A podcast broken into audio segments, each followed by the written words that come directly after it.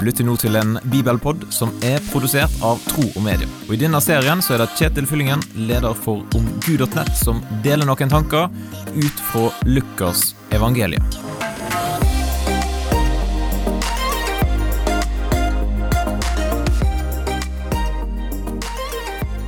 Det er ikke ofte at jeg går på store konserter med artister som Justin Bieber eller noen i den dur.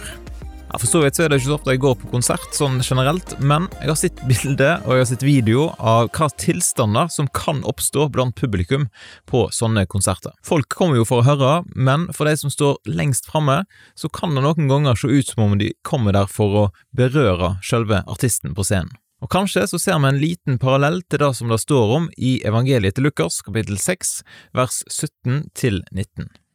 Sammen med dem gikk han ned igjen og stanset på en slette. Der var det samlet en stor flokk av disiplene hans og en stor mengde mennesker fra hele Judea og Jerusalem og fra kyststrøkene ved Tyros og Sidon. De var kommet for å høre ham og bli helbredet for sine sykdommer.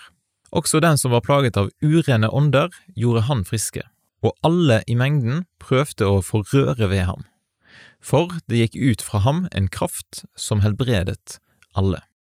Ser du likheten? Folk strømmer til fra alle kanter for å møte Jesus, for å høre det han hadde å si, men òg for å komme i kontakt med den krafta som Jesus tydeligvis hadde, ei kraft som gjenoppretta det som var ødelagt i livene til de som fikk røre med han. Jesus hadde en soleklar mulighet til å bli en slags popstjerne, men så begynte han å tale. Folk var jo kommet for å høre på han, så da var det kanskje ikke så merkelig at Jesus benytta anledningen til å si noe viktig. Men hva var det han sa, og hvordan reagerte mengden med mennesker?